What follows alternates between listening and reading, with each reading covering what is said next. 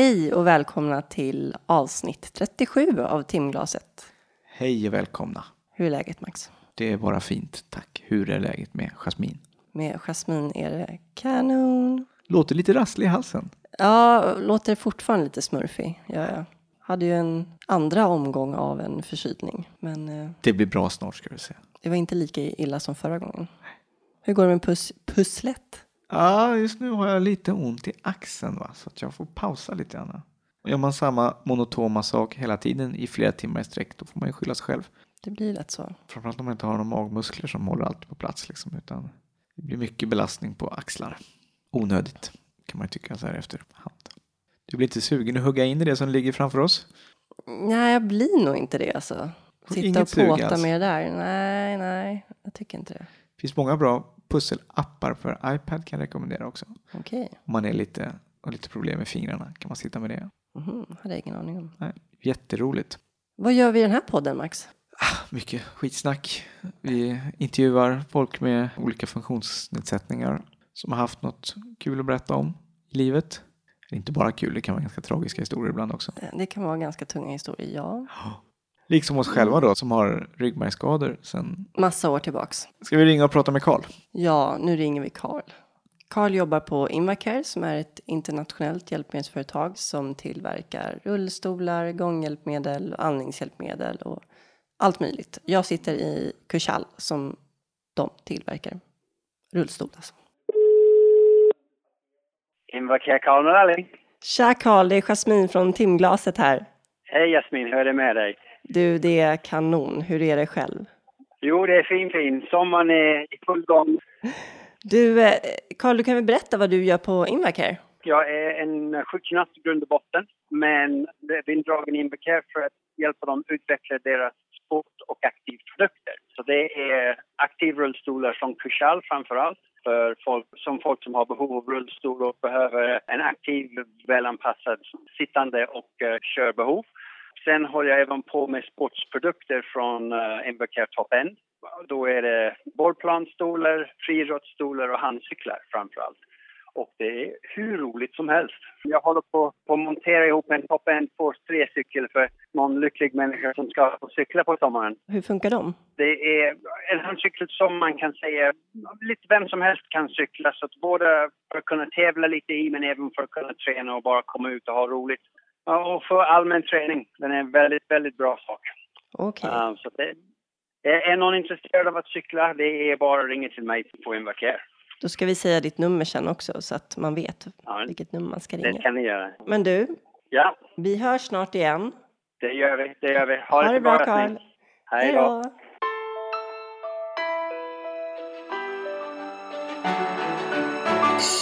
Om det är så att man vill ringa och prata med Karl om cykling eller något annat så nås han på Invacars växel och numret dit är 08 761 7090.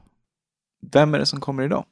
Idag ska vi snacka med Adam som föddes utan armar och med korta ben. Han sitter i permobil och eh, spelar bas i bandet Leaving Asgard med sina tår. Då. Det är rätt imponerande kan man ju tycka. Ja, har du hört någonting av deras låtar? Nej, det har jag inte. De släpper ju en, eller de har släppt en EP nu i maj Härligt. som heter Sanity. Har du spelat något instrument? Jag har spelat gitarr, piano och blockflöjt. Men jag var skitdålig på det. Jaså? Var det kul då? Nej, jag tyckte inte det för att jag var inte riktigt motiverad att hålla på med det. Det var väl där i trean eller fyran om man skulle välja ett instrument.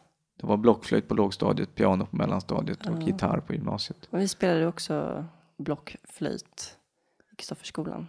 Men eh, jag valde piano också. Det var roligt tyckte jag, att spela Ja. piano. Det har man inte så mycket glädje av nu. Jag är rätt glad över att jag inte var jävligt duktig på piano. Mm. För det hade nog varit ganska hemskt att inte kunna använda den Oh ja. förmågan idag. Usch ja. Så börja aldrig lära er instrument där ute. Ifall ni bryter nacken så är det ett jävla trauma kan jag säga. Ska vi köra igång med Adam? Här kommer Adam.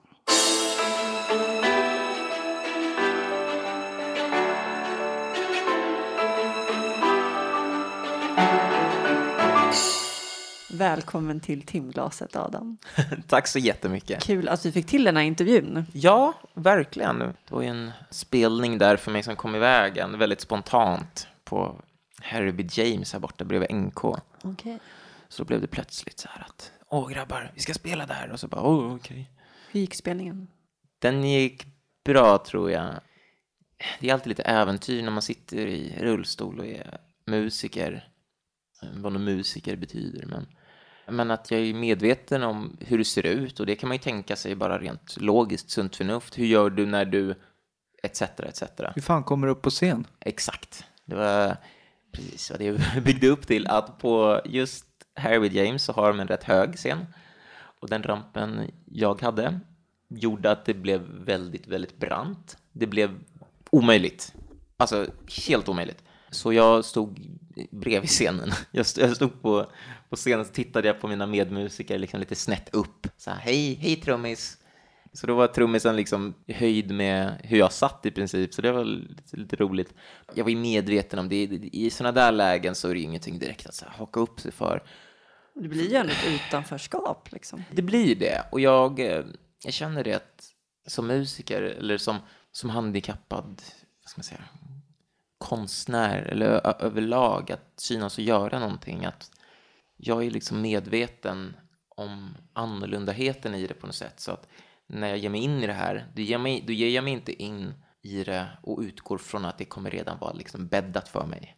Som, som säkert det skulle för min storebror och för resten av världen. De, de utgår ifrån att man kommer in överallt. Och jag går in i det och liksom skulle du tycka det var okej att de lyfter upp det och sätter dig i någon fåtölj och spelar, eller är det för... Om jag hade föreslagit det. Ja. Om jag hade varit den som hade...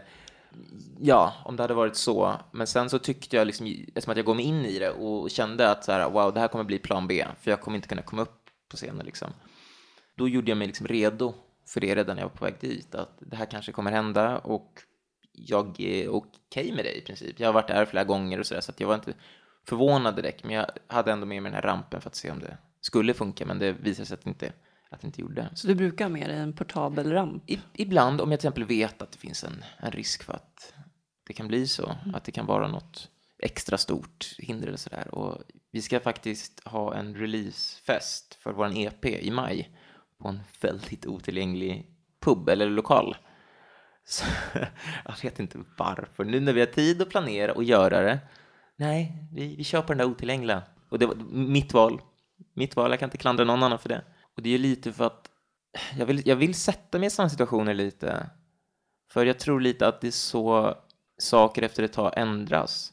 Lite det där liksom, som slappa psykologer säger ibland, fake it till you make it. Ibland måste man bara låtsas som att man lever ett bra, liksom, lyckligt liv. Man, man bara måste ge sig ut och måste kämpa fastän att man inte vill så ska man bara göra det liksom. Och till slut så, så gör man det. Till slut så är det inte fake till you make it. Till slut är det bara make it. Och det är väl lite det att jag vill göra så här mycket, att det blir liksom en normalitet i att göra så mycket jäkla otillgängligt och inte att det blir den där att det finns affärer för de som kan gå och affärer för de som inte kan gå. Nej, men jag, jag vill låtsas som att jag inte är handikappad om man ska vara så hemsk att åh, jag är bara en människa. Och då med krogar och sådär, då, då känner jag att jag måste lite visa upp mig för att folk till slut ska ha sett mig nog för att inte vara intresserade av mitt yttre längre. Mycket ansvar ligger också på de enstaka individerna. Min erfarenhet av till exempel har gått i en, i en handikappskola, eh, högstadiet. Vadå, förlåt, handikapp? Eh, ja, alltså det är min, min grova terminologi. Jag använder ordet, by the way, handikappad för att det är det jag har sagt hela mitt liv. Så man ska väl säga funktionshindrad eller funktionsnedsatt. Funkis kan man säga också. Nej, oh, det är det värsta. Åh oh, gud, jag, jag cringear. Jag, jag, jag vrider mig av det. Vad skönt du är inte ensam. Jag tänkte bara, du, du, nämnde ju ditt eh, band här tidigare om den här spelningen. Ja. Living Asgard. Yes. Det består av mig som spelar bas, styr och ställer lite, jag är väl lite bandpappa ibland. Och Filip är sångare och gitarrist, han är väl lite bandmamma. Och vi har väl varit med och startat bandet mest kan man säga. Men sen så har vi fått fler medlemmar som Fredrik på piano och Emil på trummor. Men jag och Filip, vi, vi träffades i gymnasiet för väldigt länge sedan. Då gick vi bara musik A ihop och då var det inte så mycket mer än det. Sen så gick vi skilda vägar. Några år senare så sågs vi på en lokal spelning där kompisar skulle spela. då så snackade vi bara och sa, åh gud, spelar du något band? Och så, Nej, jag letar. Och så, ja, det gör jag också. Och så blev det bara att vi sågs några gånger hemma hos mig och spelade gitarr och bas. Och sen så har det nu gått tre och ett halvt år och så har vi gjort en herrans massa låtar och haft väldigt många spelningar. Man håller just nu på med vår första liksom riktiga dyra studioinspelning som kommer släppas i, i maj. Kul. På- Vad kommer den heta? Sanity. You could say that I'm reaching sanity. Vad är det för typ av musik? Det låter lite som smutsig discopop. Väldigt rockigt. Det är det är inte poppigt som Veronica Maggio, utan det är, det är poppigt som att det, det är fina melodier, men med väldigt lortig gitarr och nästan en Kings of Leon-esk bas ovanpå det. Trummorna är nästan bäst i, på den, men ehm, så, ja, nej, men det ska bli jättekul att, att spela upp. Jag får se hur långt det går. Jag vill jättegärna vara jättegärna vara en figur. Jag behöver inte bli omtyckt, men inte utpekad, men man kan peka på mig och säga där, där, där är han och han gör det där och han gör så gott han, han kan som precis alla andra. Det är viktigt för mig att man ska tycka illa om musiken om man gör det. Det finns inget värre än liksom, åh, den här musiken suger. Men du, basen, han, han har ju inga armar. Okej, Okej, ja, men jättebra låt. Alltså, det, det skulle vara självmord för mig. Det, det är så viktigt att man är liksom rättvis mot mot sig själv och inte ger till sig. Då, då är man falsk. Det är sånt jag får höra ibland och det är liksom det klösa huden av mig.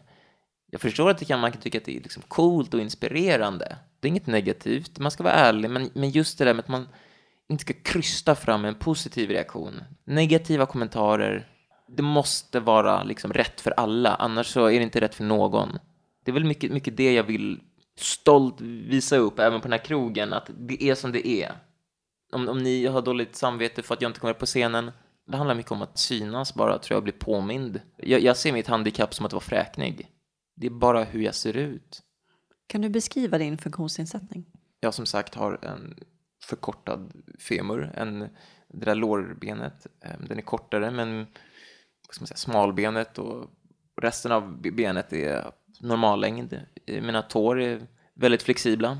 Ehm, Har de blivit det av användningen eller? mm, Jag skulle inte påstå det. Mång, För jag såg ju när du hanterade eh, kaffekoppen Ja. förut att liksom, det måste ju såklart ligga en hel del övning bakom också. Men Faktiskt inte. Svar nej på det där. men du, måste ju, du har ju använt dem som dina fingrar sedan du var liten. Exakt. Så att min storebror har inte övat med händerna. Han, Nej, har, bara, precis. han har bara använt dem. Nej men det är det jag menar. Så- Du, du måste ju ha fått den funktionen av att du har använt dem som händer. Ex- exakt. Och, och det är det där ordet, öva jämfört med att använda. Det är väldigt intressant. De här små... Det är snarare att man utvecklar funktioner. Ja, ja, men, ja men precis. Inte, inte för att det är något, liksom, det är ju hårklyveri egentligen, men, men det är många som, som säger så att du måste ha övat väldigt mycket innan du kunde. Och jag typ nej, jag gjorde det. Jag brukar säga som att när min bror var liten, han är tre år äldre, blond, vanlig kille. När han var liten sträckte han fram sin hand efter lego och jag sträckte fram min fot efter lego.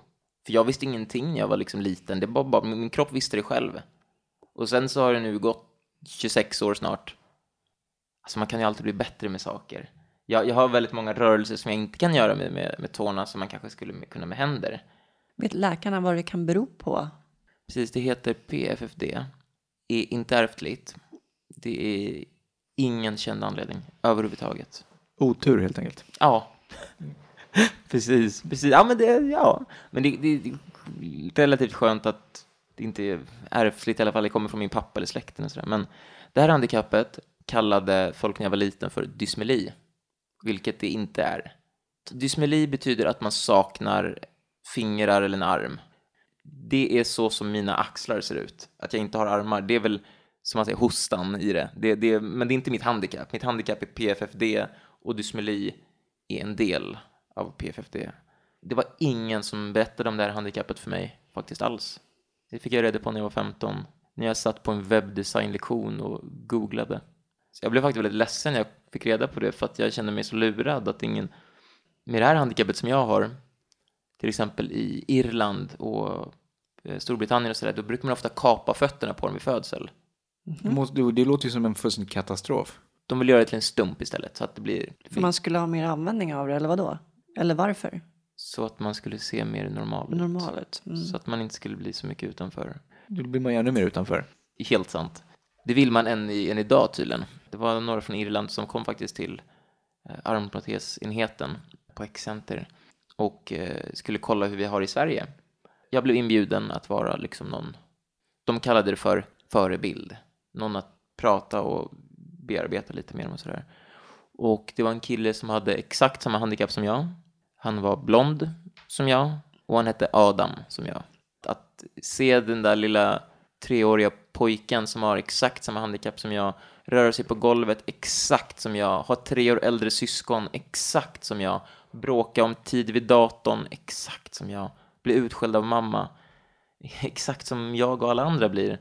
Det var bara så befriande och de föräldrarna pratade om det att läkarna eh, var så skeptiska och var så rädda och var så bla bla bla men vi kände inte att det var rätt sa de och sådär.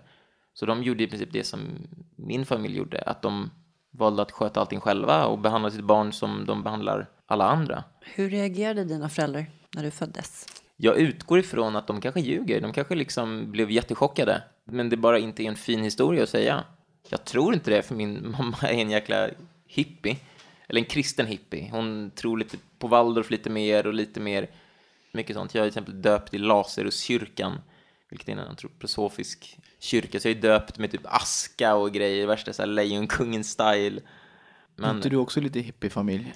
Ja, det kan man säga. Jag har ju också gått på Waldorf, jag har gått Kristofferskolan. Jaha, jag gick i LNK.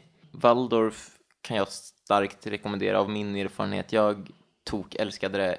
Jag har aldrig blivit bemött så väl som på Waldorfskolan.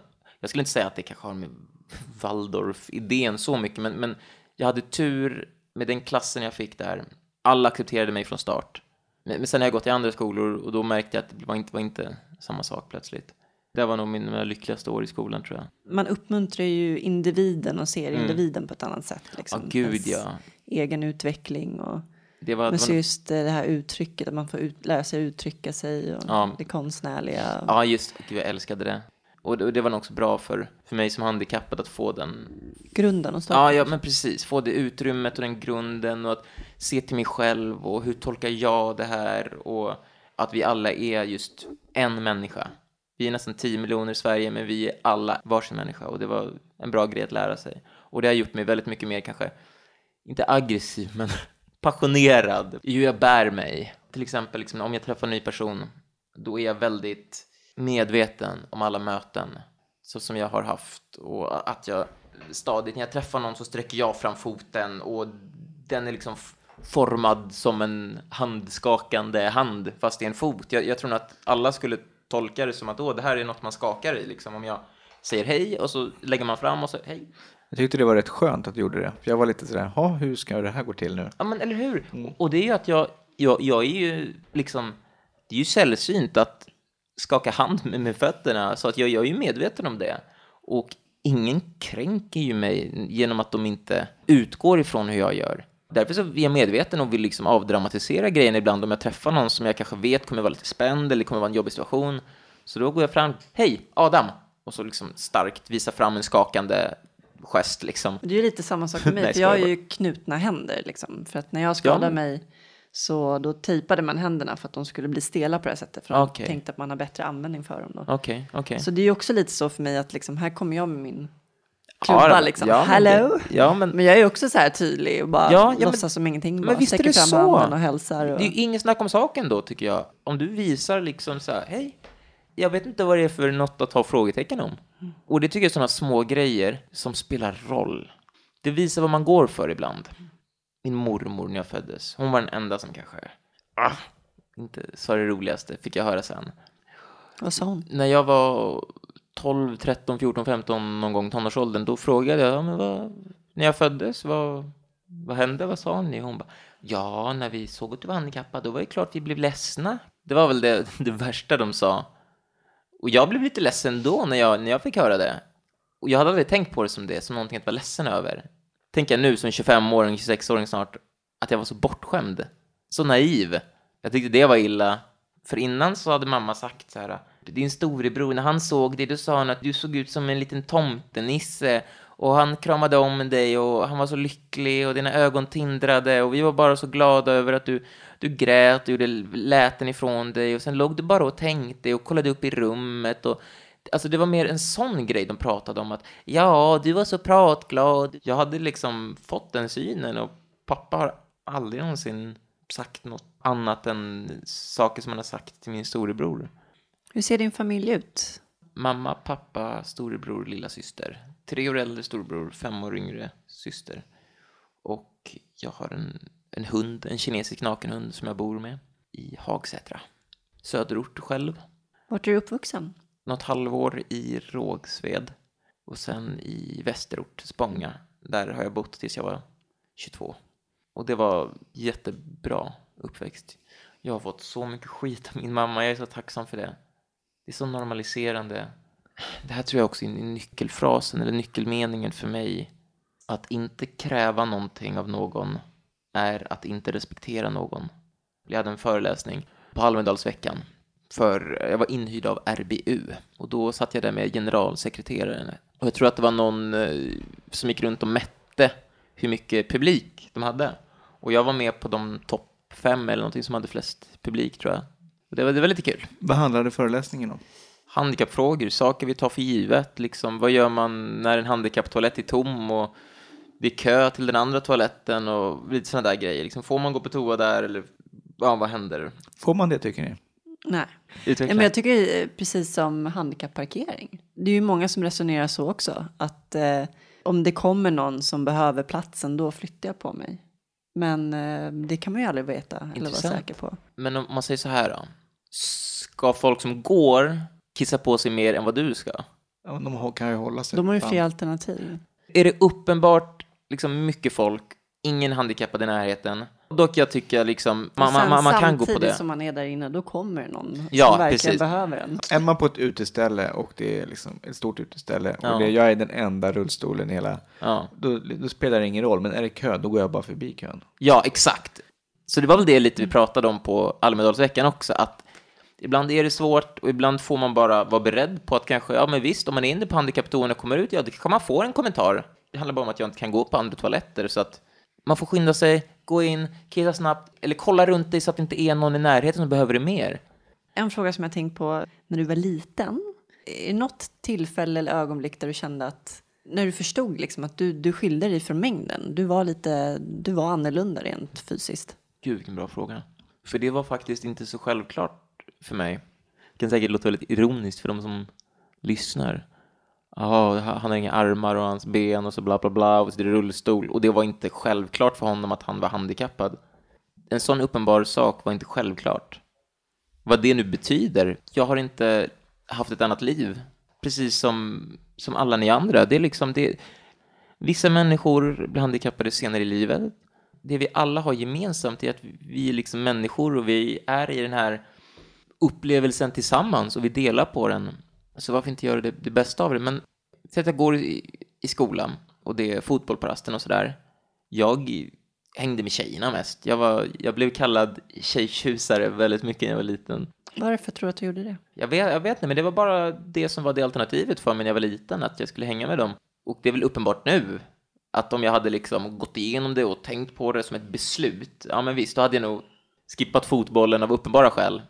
Men, men jag tror nog att det var liksom lite av en försvarsmekanism att jag inte ville bidra, inte ville liksom vara med i den sfären på det sättet. Så det var lite att du kände att du passade in mer där kanske? Ja, absolut. För det, för det gjorde jag. Det var ingen som inte tyckte att jag passade in någonstans. Det var jag och Marcus i klassen som var de som fick tjejer.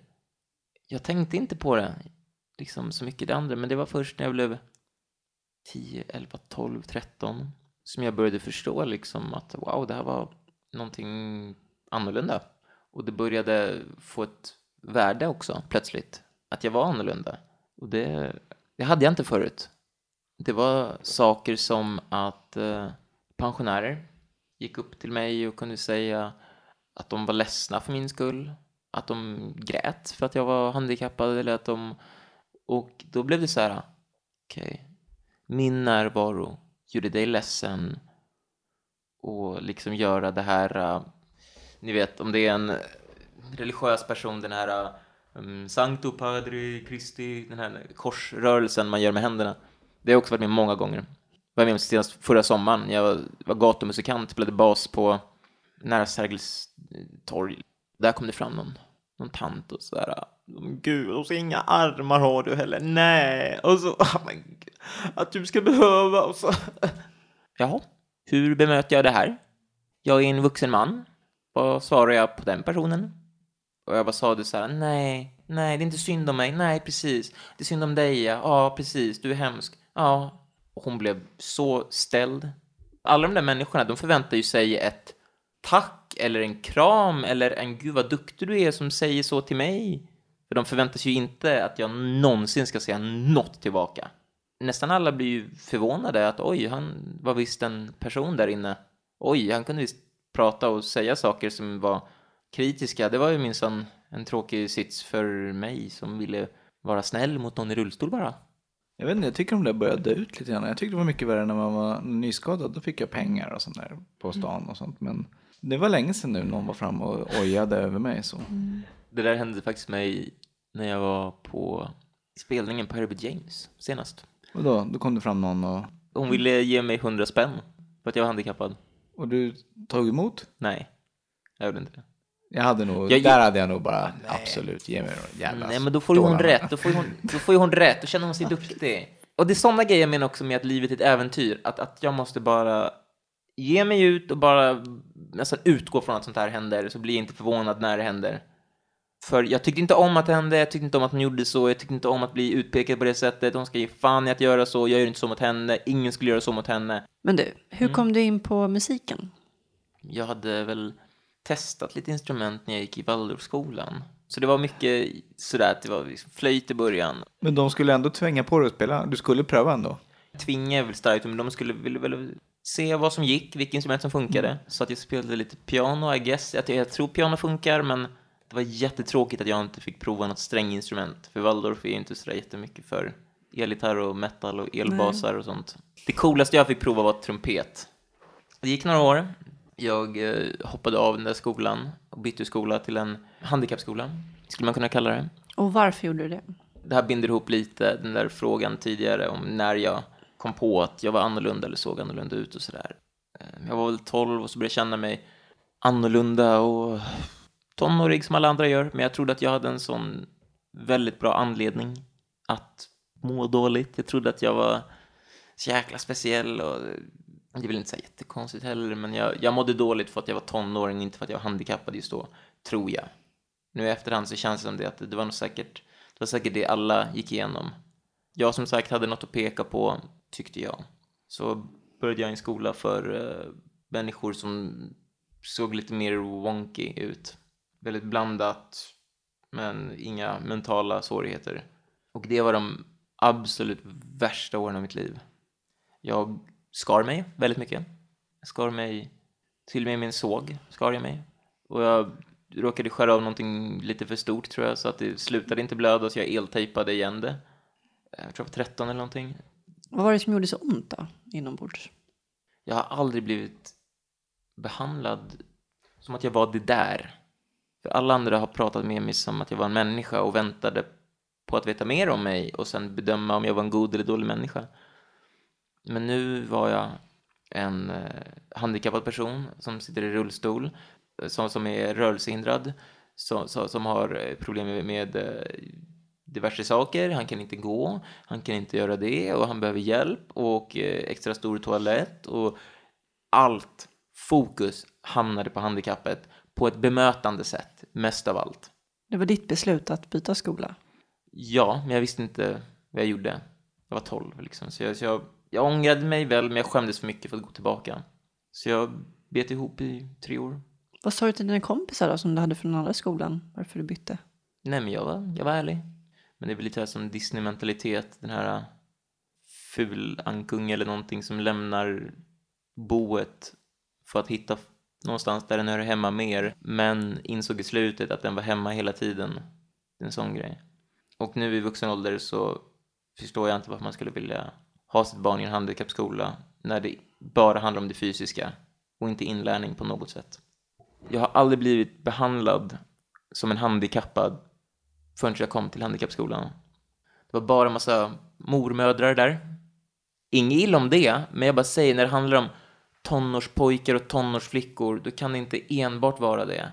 Det kan inte enbart vara liksom 50-60-åriga kvinnor. Innan, då hade jag fått gå runt på rasten. Men tidigare så hade jag fått gå till kiosken och gå till när närområdet liksom.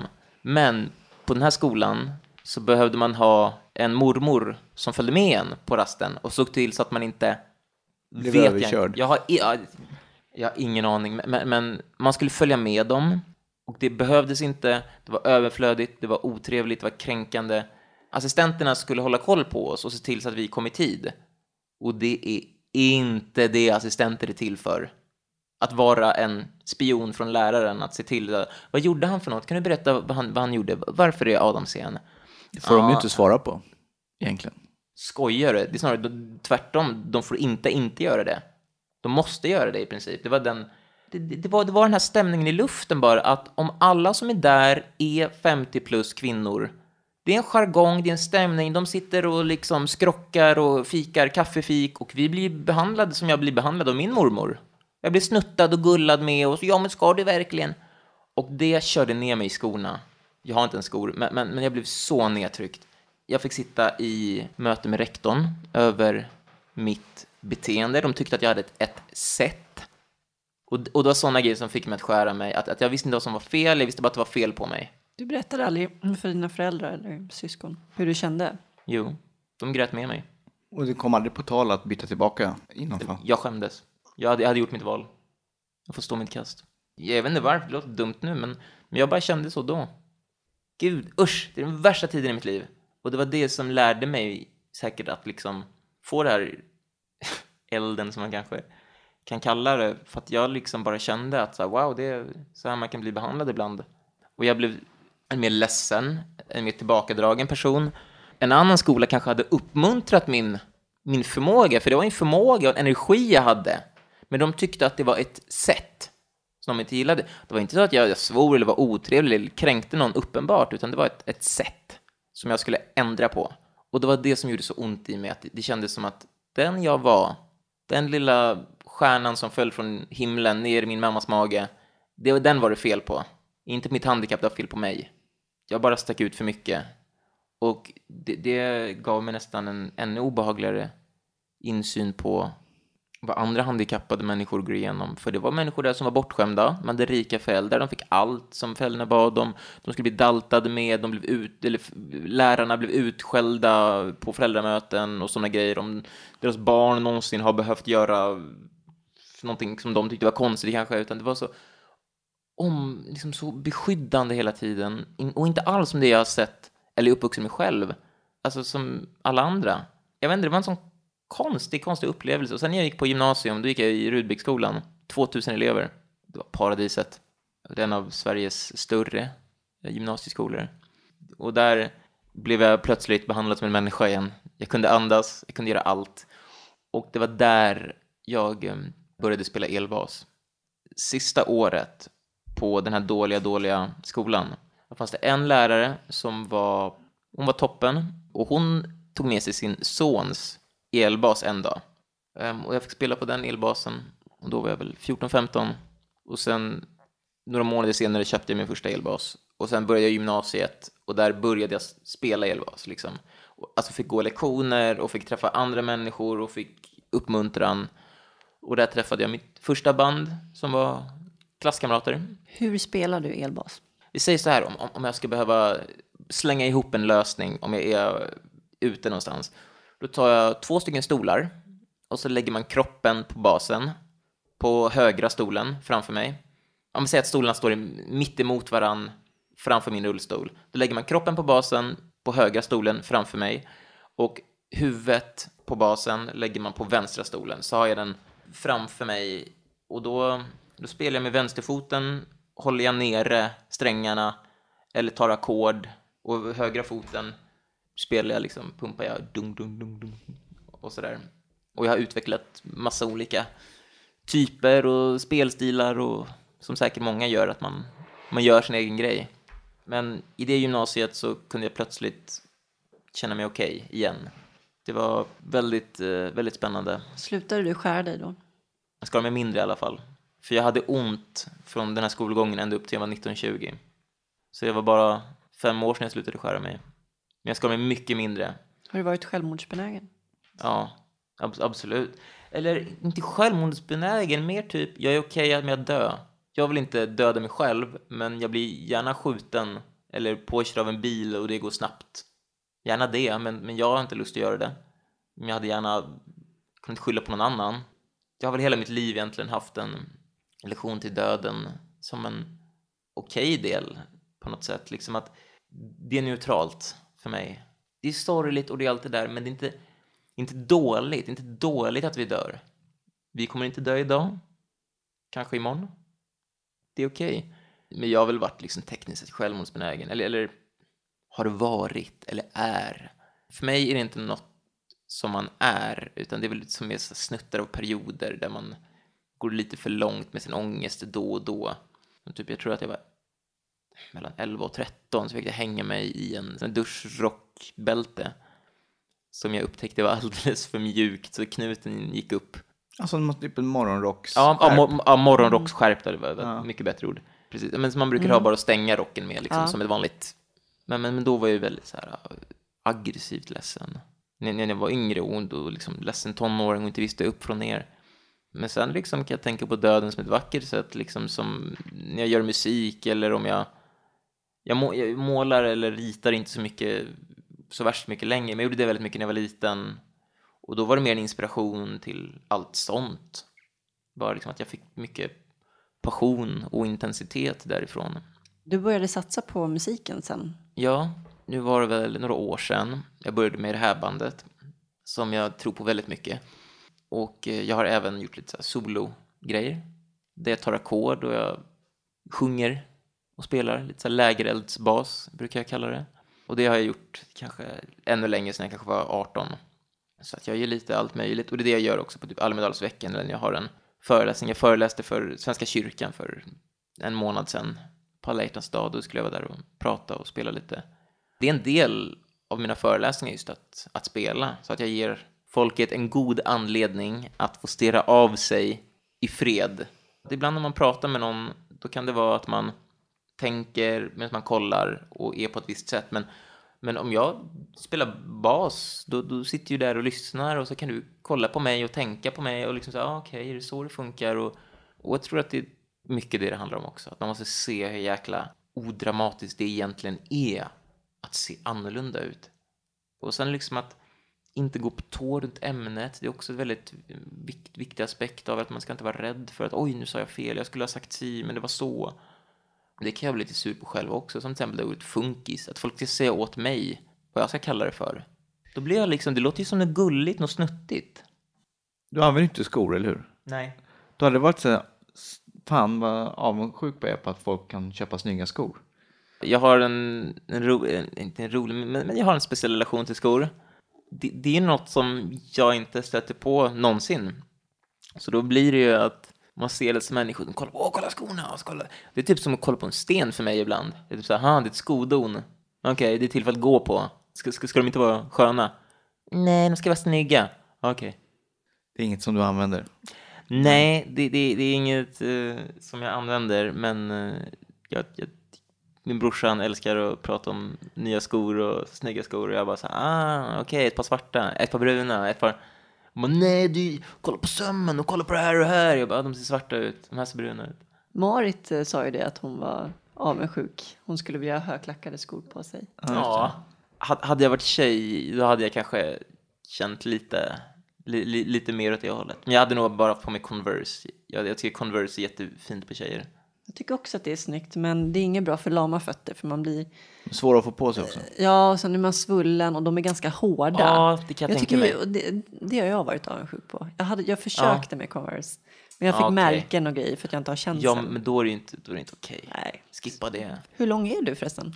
Mellan 1,35 och 1,40. Det beror på hur man, hur man mäter. Om man skulle mäta liksom bara min torso, min överkropp, då hade det nog varit samma längd som ja, det är bara mitt lår som gör mig kortare. Mm. Annars hade jag varit säkert 1,80 någonting som min brorsa. Men skor, mm, väl byxor. Byxor är jag avundsjuk på. Jag önskar att jag kunde gå titta på byxor. För kläder är inte till för att sitta Nej. ner med. Kläder är till för att stå upp med. Och det är något som folk inte tänker på alls. Det, det, Och tack, kostymer på bröllop. Fy fan alltså. Vilken, Det ja, om- Man blir ju aldrig snygg i en kostym. När man sitter så här, allting bara pösar ihop. ja, det, den här, Kan man inte specialsyra be någon skräddare? Men det är ju inte till lite? kul. Det är inte kul. Nej. Man ville gå och kolla på det. Min brorsa, han lärde sig sy här om åren. Nu var det säkert fyra, fem år sedan han började. Så han syr liksom kläder åt sig själv och har blivit väldigt bra. Och min ytterjacka jag har på mig nu, den har han sytt faktiskt bara. Men vad har du för brallor på dig nu? Är det shorts eller? Nej, de här är också skrädda, eller specialsydda. Okej. Men jag inte, jag tycker inte om dem då. Det, det är dags snart att få nya byxor. Jag hittar ett par brallor och då går jag och handlar. Liksom. Då går jag dit igen och så köper jag tre exakt Ja, likadana men det gör jag också. Men det är det bästa man kan göra. Ja, så har man liksom liksom. byxor som funkar. Det, det gör jag med, med boxers som inte har en sån hög... Kallingar? Ja. Mm. För vis- vissa har en väldigt hög resår. Att resåren är väldigt hög. Och, och då liksom böjer sig resåren konstigt. Den buktar sig konstigt när den ska med byxorna och grejer. Så, så det ska gärna vara en mindre, smalare resår runt kalsongerna. Jag vill ha bred resår. Är det så? Jag vill ha bred, den sitter bäst. Du vill ha bre- Ja, ja, men se där. Man vet vad man gillar. När fick du beröm senast? Jag fick nog beröm senast för fem dagar sedan. När, eller det visste du exakt fem dagar sedan. Eller jag kanske fick det, okej, okej. Okay. Om jag igår fick höra att jag gjorde en god salamimacka, då räknar jag inte in det. Men, men senaste gången jag tänkte på det, det var av min sångare. Ehm, jag skickade ett nytt basspår till våran låt See How They Fly. Och han sa att den var utsökt, att den var helt perfekt, att den var tight och att han var väldigt imponerad, att det var över förväntan. Han visste att det skulle bli bra, men han bara gillade det väldigt, väldigt mycket. Så då, då blev han jätteglad. Det, det var ett konkret, bra beröm. Kul. Det gillade jag. Tack Filip. Vad är lycka och vad betyder lycka för dig? Det är en bra fråga. Lycka är nog att känna sig bekväm i sin omgivning och kunna känna sig jordad, tror jag, i själen på ett visst sätt. Att man har liksom ett ankare. Jag tror inte att det direkt behöver ha något så här med kärlek eller så att göra. Nödvändigtvis. Men, men, men det kan säkert vara en del av det, för att vi är ju flockdjur och vi dras till varandra. Och jag gillar liksom kärlek och tjejer som alla andra, så att jag, jag vet inte vad lycka är, men någonting med musik, någonting med att ha ett förhållande där jag känner att man är ett team, ett riktigt, riktigt bra team och man kan klara allt som, som komma skall eller eventuellt skall. Nu låter det lite som att jag knipp, förknippar det med trygghet eller vissa typer av sociala tryggheter och det, det kanske det är lite för mig tydligen. Det finns en till grej så här, ibland vet man inte vad man tycker förrän man säger det. Och lite nu när jag säger det så bara wow, jag visste inte att jag förknippade de där grejerna till det, men jag, jag vet faktiskt inte, inte vad, vad lycka är. Gå sin egen väg, eh, inte bli... Att, att, att, att ta självsäkerheten i att gå sin egen väg. Alltså nu känns det som att det kommer bli ett långt svar på en kort fråga igen. Men lycka är individuellt. Det har inte nödvändigtvis med kärlek att göra. Ibland har det det. Våga göra sin egen grej. Vad betyder frihet för dig? Vi är bara en människa. Vi borde alla vara goda människor mot varann. Men frihet är att stå upp för människor. Friheten att vara dum, friheten att vara snäll, friheten att känna sig jordad. Det kan nog vara någonting som många, som jag menar min erfarenhet från skolan. Friheten att vara Adam i den där skolan, det, det, det tror jag var någonting som för mig då var en slags frihet som jag kände hämmades vä- väldigt, väldigt mycket jag menar spirituellt mycket mer än vad jag menar bokstavligt som att de säger si och jag ska göra så. Utan jag menade liksom att vara annorlunda, att prata på ett annat sätt, att till och med svära, friheten att svära, go for it. Om du fick leva om ditt liv, skulle du göra någonting annorlunda då? Eh, min rullstol som jag fick när jag var sju år gammal, det var den rullstolen som orsakade all min smärta jag har idag och jag kommer leva med tills jag dör. Rullstolen jag fick då, det var en arbetsterapeut eller vad det nu var då, 97 liksom, som, som skulle hjälpa mig, hjälpa mig med en rullstol och anpassa den. Och eh, när jag fick den sen så var den en sån liten grej som att min rullstolspanel, alltså den där jag har min joystick och styr min permobil, den är idag i mitten, den är centrerad i mitten. Men då var den åt höger. Tänk er när, när ni kanske sitter vid datorn vid en mus och tangentbord. Att man har högerhanden så här på höger sida. Och då tänkte de, ah, han styr, då ska den vara på höger sida. Men det är inte samma sak med benen. För benen sitter man ner. Alltså man sitter ju ofta ner på rumpan och på undersidan av låren, sen kommer knävecket, etc. etc. Så den delen av kroppen har man för att jorda sig. Så jag satt snett hela tiden. Och jag visste inte om det, jag var ett barn. Jag var sju, åtta, jag hade ingen aning om... Och, och kom i första rullstol. Hur länge satt du snett? Fem år. Det gav skolios. Att ryggraden blir sned. Och det kan innebära att eh, bröstkorgen blir lite roterad och lite sned och sådär. Och eh, skadan var skedd efter ja, fyra, fem år. Och eh, det var jag som frågade. Hej, går det inte att ha den här panelen i mitten istället? jo, om du vill. Då, då plötsligt satt jag rakt. Och jag trodde ju att en arbetsterapeut fick betalt för att göra just det där. Jag var sju, åtta, vad skulle jag ha sagt? Och jag fick 110 graders skolios. Jag kan inte ens tänka mig det. Om ni ska rita upp ett streck på pappret eh, med en kurva i mitten som är 110 grader, jag vet inte ens hur man skulle kunna rita det. Helt sjukt. Men, så att eh, när det var som värst också, 110 grader, då kunde jag svimma. För att nerver klämde sig så pass att jag fick liksom yrsel och blackade ut i princip. Jag opererade ryggen när jag var 15 och de tog ner det, stelopererade till när jag var till 60 procent blev det. För hade man gjort mer, då hade jag tappat för mycket av min självständighet och min förmåga. Så då blev det 60 grader istället. Jag hade 90 och de opererade till 30. Shit. Då vet du hur illa det är. Jag har en perfekt rygg. Grattis. Oh, snap! Ja du, som, Tror jag. somliga, somliga har det bra. Men du menar att du skulle, det skulle vi gjort annorlunda, att du hade uttryckt det? Ja, för det är det enda som jag tycker är väldigt onödigt med mitt liv. Jag är inte född med smärta. Och nu har jag liksom nervsmärta för resten av livet av, också. För de, när de opererade mig så, jag vet inte vad, men jag fick någonting över foten. Så att jag har hypersensitivitet över högerfoten. Så allt som är lite grovt, som sandpapper eller till och med en handduk. När jag vaknade upp från operationen, då hade jag ont i foten. Och det var för att det låg en handduk på foten.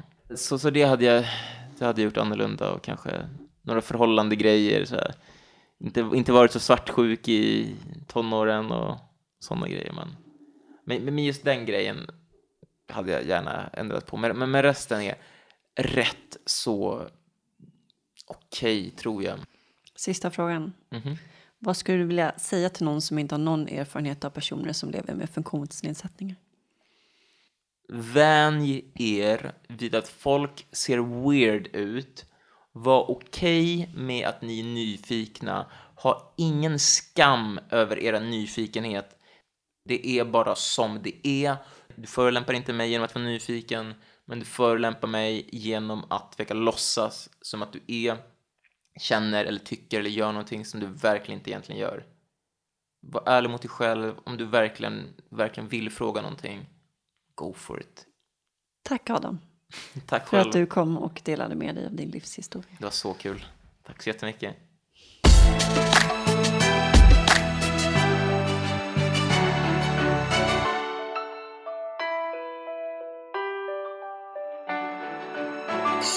Då har vi fått en inblick i Adams universum.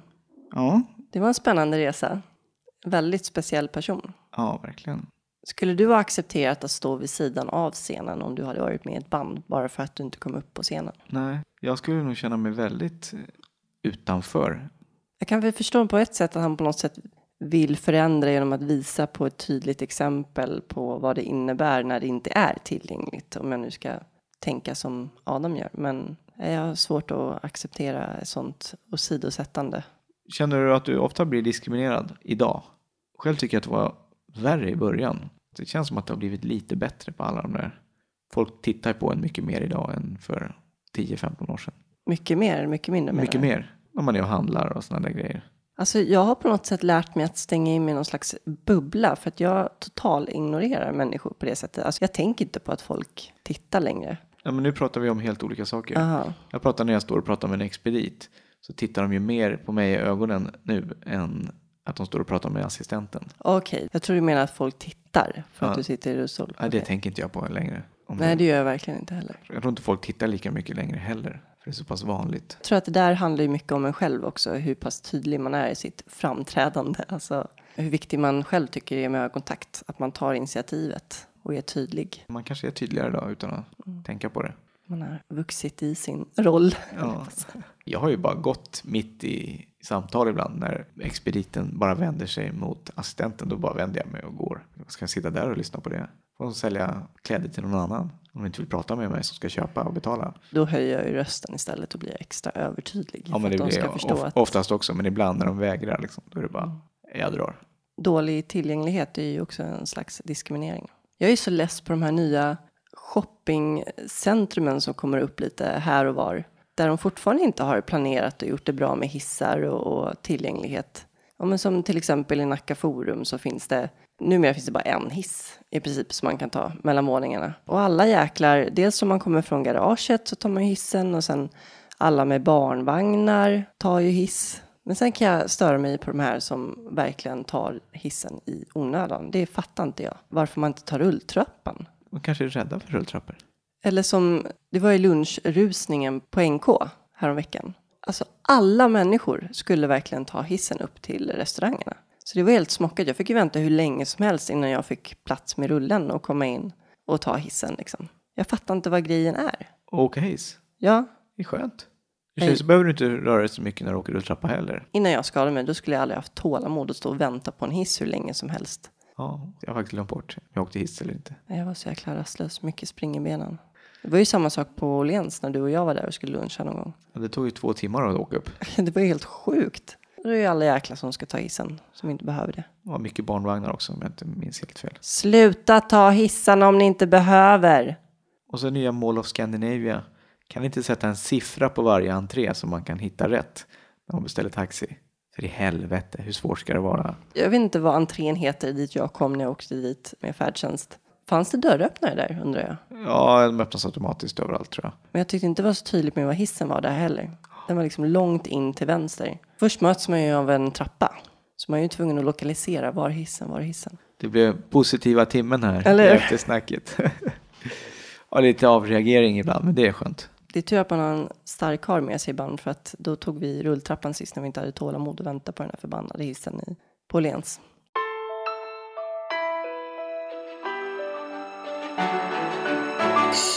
Tack Invacare för att ni hjälper oss göra det här kalaset. Tack så jättemycket för samarbetet. Mycket trevligt. Vi har en hemsida, timglasetpodd.se och vi finns med i sociala medier, Twitter, Facebook och Instagram. Ni kan kontakta oss på kontakt.timglasetpodd.se. Vem kommer nästa vecka? Nästa vecka så ska vi träffa Sharzad som drabbades av sepsis, en slags blodförgiftning, för fyra år sedan. Det ledde sen till att de var tvungna att amputera båda hennes ben. Men förra året så deltog hon i triathlon på olympisk distans i Stockholm. Ganska imponerande. Det är rätt coolt. Ja, hon verkar vara en härlig tjej. Och mer om henne nästa vecka. Ha det bra. Hej då!